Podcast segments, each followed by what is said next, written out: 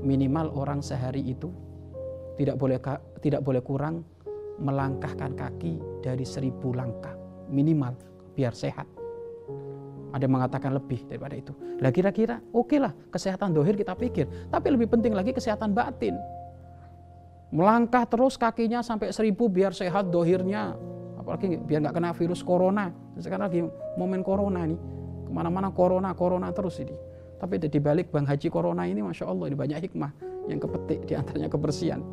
Lah ini ada orang Masya Allah memperhatikan kata dokter harus minimal sehari melangkah seribu kaki bahkan lebih daripada itu. Oke itu kesehatan jasmani.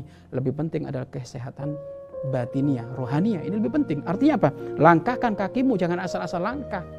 Jangan asal-asal melangkah. Maka disebutkan khotwatul kasratul khuto ilal masajid memperbanyak langkah ke masjid pintu surga. Maka orang yang rindu kepada Allah di saat dia memikir sehat jasad juga mikir sehat rohani. Bagaimana? Melangkahnya bukan hanya lari-lari asal-asal gitu. Sekarang ada gaya-gaya apa? Cuci mata, lari-lari ke sana.